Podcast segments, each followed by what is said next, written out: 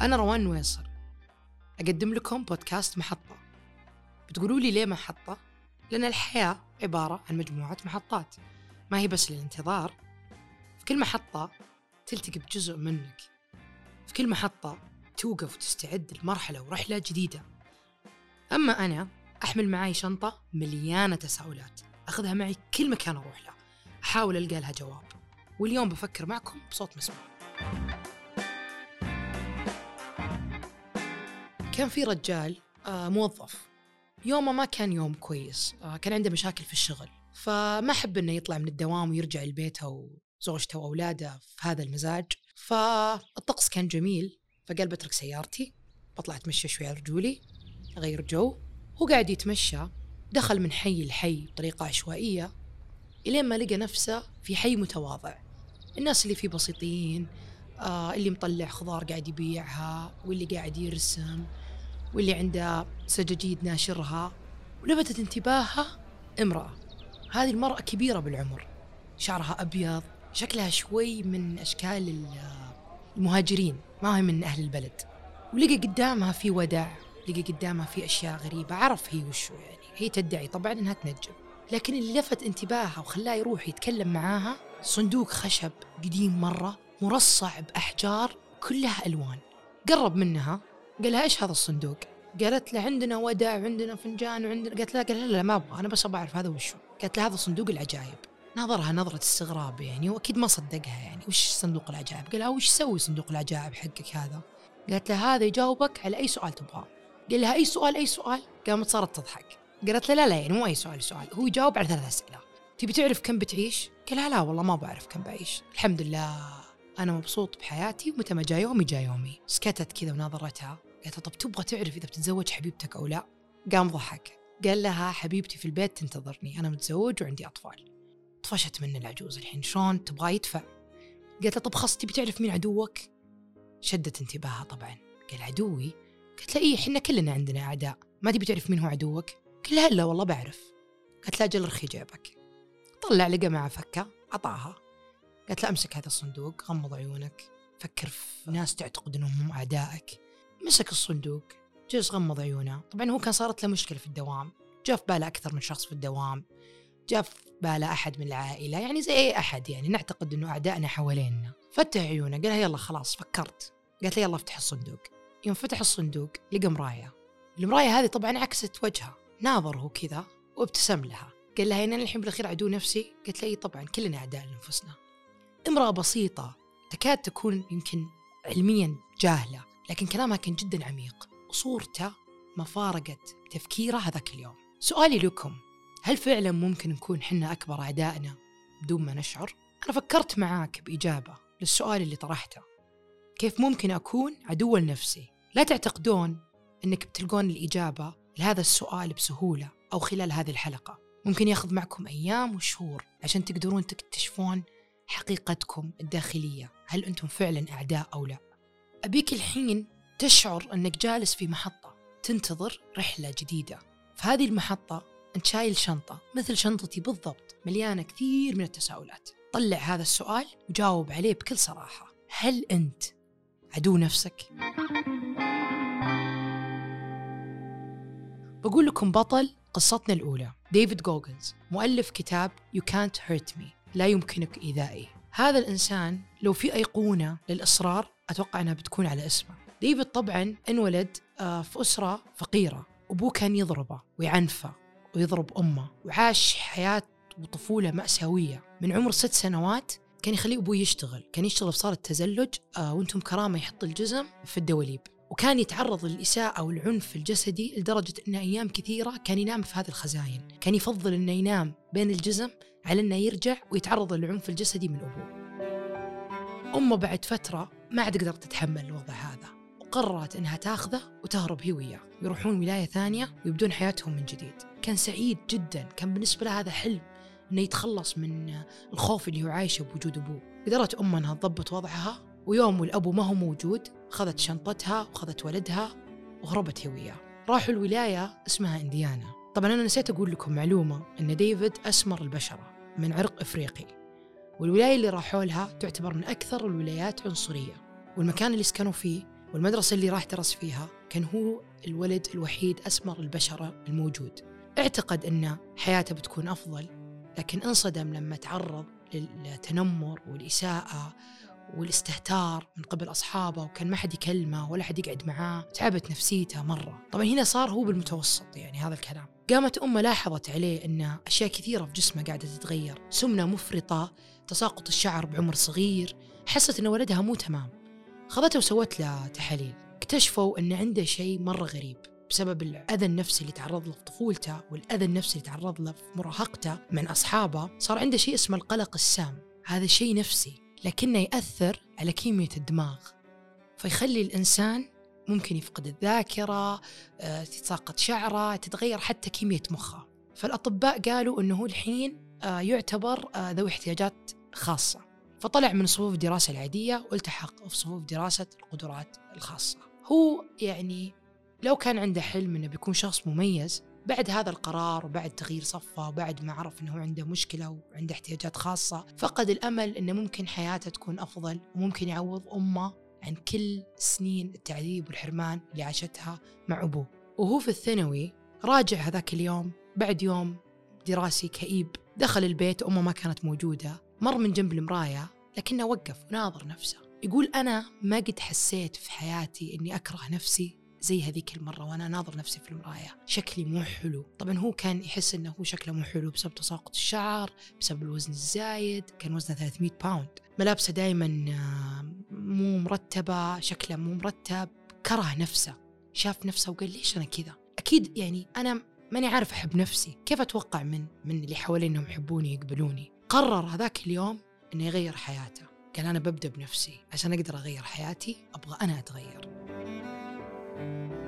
بدأ راح حلق شعره عشان يصير شكله يعني أرتب. آه راح السوق شرى ملابس مرتبة شرى ملابس للجيم. وقال خلاص أنا ببدأ أتمرن. هذه كانت أول خطوة للتغيير. طبعا قرر أنه يلتحق آه بالقوات الجوية. شاف إيش الإجراءات اللي يحتاجها عشان القبول. اكتشف إنه لازم يعيد كل سنوات الدراسة حقته المتوسط والثانوي. يرجع يدرس كل المناهج عشان يقدر يقدم عليهم. قال أنا ما عندي شيء. أوقات فراغي برجع أدرس من جديد رجع يدرس نفسه من جديد يسوي رياضة نفس الشيء. آه ما نقص كثير من وزنه بس إنه غير شكله آه وصار يحب شكله أكثر يعني من قبل. بعد ما راح وشرى ملابس وقرر إنه يدخل شوي نظام رياضي في حياته سمى المراية هذه مرآة المساءلة. قال أنا كل يوم ابى اناظر بنفسي بالمراية وأسألها وش أحتاج أسوي عشان أغير من نفسي.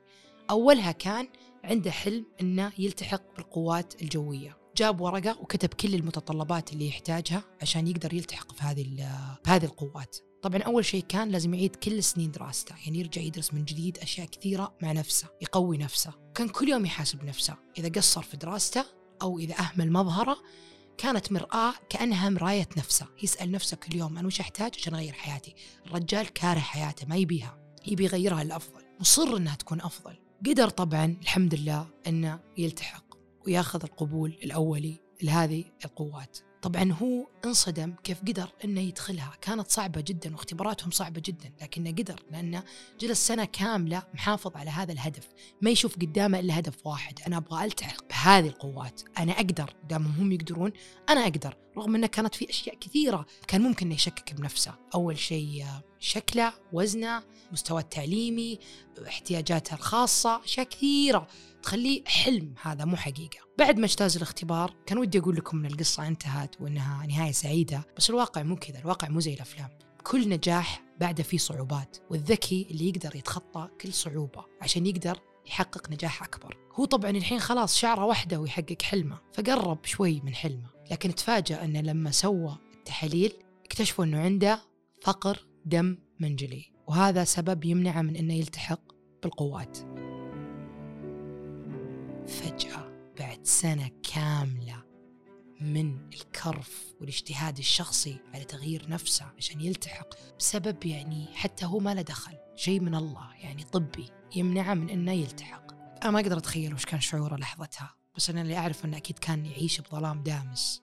رجع بيته طبعا جلس في غرفته ناظر المراية أنا سويت كل شيء كل شيء سويته. ليه ما صار اللي أنا أبيه؟ قام يدور على وظيفة. أنا شخص عادي بعيش شخص عادي بموت شخص عادي. أنا غير مميز. ومين أنا أصلا؟ عشان تتحقق أحلامي. أنا ولا شيء. أنا نكرة. كان حلمه أنه يلبس البدلة. كان حلمه أنه يحدث فرق في هذا العالم. لكن تفاجأ أنه هو شخص عادي اشتغل أنه يبيد الحشرات. شركة يعني حتى هي شركة متخصصة في الصراصير.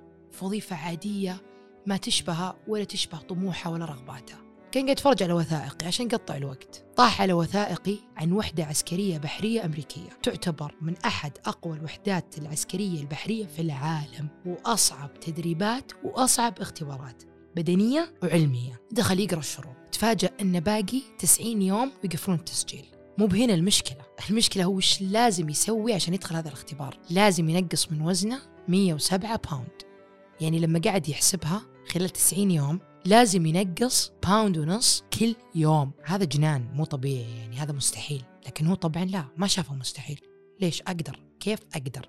راح لمرايته حقت التساؤلات. جاب ورقة وقلم جلس يكتب وش لازم يسوي عشان يقدر ينقص من وزنه pound ونص عشان يلتحق بهذا الاختبار ويعديه سوى نظام رياضي مو صارم يكاد يكون مستحيل. يتمرن ثلاث مرات باليوم. ساعتين دراجة ساعتين سباحة ساعتين نادي. كان مو طبيعي.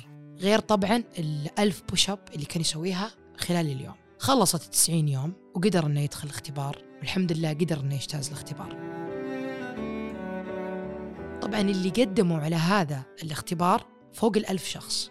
واللي انقبل 120 شخص هو منهم. بس ما خلصت قصتنا طبعا. قلت لكم إن النجاح ما يجي بسرعة وإن تحقيق الأحلام ما تكون بسهولة. الواقع صعب. لكن الاستمرارية هي اللي تخليك توصل. لو ما وصلت لحلمك الأول بتوصلك الحلم اللي بعده. ممكن توصلك الحلم اللي أكبر. بس أنت لازم تكون واثق من نفسك واثق من قدراتك. أتوقع إنه هذا السلاح اللي كان يخلي ديفيد دائما يستمر انضم ديفيد للبرنامج التدريبي. ست شهور. كان صعب مرة. طبعا بعد ست شهور بيختارون من ال 120 30 بس. قدر إنه يجتاز الاختبار وقدر إنه يطلع من الثلاثين هذول. وقدر انه يلتحق وقدر انه يلبس البدلة وقدر انه يحدث فرق في هذا العالم. ديفيد كتب كتاب أنصح الجميع أنهم يقرونه. يعلمك كيف تقدر توصل لأهدافك الكبيرة عن طريق أنك تغير تفاصيل صغيرة في يومك. بداها من أنه يغير دولاب ملابسه ويغير مفرش سريره. إلين ما صار كتابة من أحد أكثر الكتب مبيعا في العالم وإنسان ناجح. قدر أنه يسعد أمه ويسعد نفسه ويغير حياته وما يجيب أولاد لهذا العالم يعانوا زي ما هو عانى. قد حسيت أنك قاسي على نفسك قد حسيت أن اللي حولك أرحم عليك منك؟ أنا بعد شهور ويمكن سنين كنت أعتقد أن أعدائي حواليني ما كنت أدري أني أشوفه كل يوم الصباح وأنا أغسل وجهي. ما كنت أعرف أن عدوي لازمني طول الوقت وأني أنا كنت عدوة نفسي. ما كنت أبغى أصارح نفسي بهذه الحقيقة لكن الشنطة لما تحملها على ظهرك وتكون مليانة تساؤلات زي الشنطة اللي مليانة وزن زايد لما تجاوب خلاص هذا السؤال يروح فتخف الشنطة فيخف الحمل فتكون الرحلة ممتعة أكثر. عشان كذا أنا قررت أني أكون صريحة مع نفسي وأني أجاوب بكل صراحة وأني أتكلم معكم في هذه الحلقة بكل شفافية. وأجيب قصص من الواقع تساعدكم أنكم تفهمون الصورة بشكل أوضح. إيش اللي يخلي الحياة مضمار سباق؟ وليش نمشي على جدول زمني محدد؟ ليه لازم بداية العشرين أن نكمل دراستنا؟ ولازم في نص العشرين أن نلقى وظيفة لا مو بأي وظيفة. وظيفة زينة في مكان زين براتب زين. وليش لازم أن مع نهاية العشرينات نكون لقينا نصفنا الثاني؟ نكون متزوجين. وإذا عدينا العشرينات وبدينا في الثلاثينات لازم يكون عندنا مشروع لازم يكون عندنا بيت لازم يكون عندنا سيارة. ولو ما صارت واحدة من هذه الأشياء ضمن الإطار الزمني الوهمي اللي إحنا حطيناه نبدأ عاد نحبط نفسنا وندخل في مود الحزن والإحباط والفشل نبدأ نجلد ذاتنا ونبدأ نتوتر. ترى مو لازم الأشياء اللي ذكرتها قبل شوي تصير بالعمر المعين المتعارف عليه. ترى ناس كثير مرة أكملوا دراساتهم بعد الثلاثين ونجحوا في حياتهم. ناس كثير مرة. أعمارهم الحين أربعين لا يملكون بيت ولا يملكون سيارة. في ناس مرة كثير ما ارتبطوا ولا لقوا فارس أحلامهم. عادي أنا هذا اللي بوصل لكم إياه. عادي أن الأشياء تجي متأخرة وعادي أنها ما تجي أبدا. هذا مو أنت فاشل إذا أنت ما حققت الأشياء اللي تبغاها في إطار زمني متعارف عليه. إذا مجتمعنا ربانا على صورة نمطية معينة فمو معناها أنها هي حقيقية. هي صورة قابلة للتغيير قابلة للتعديل. الأشياء اللي ما تصير في الإطار الزمني اللي حنا حطيناه تعرف وش بيصير؟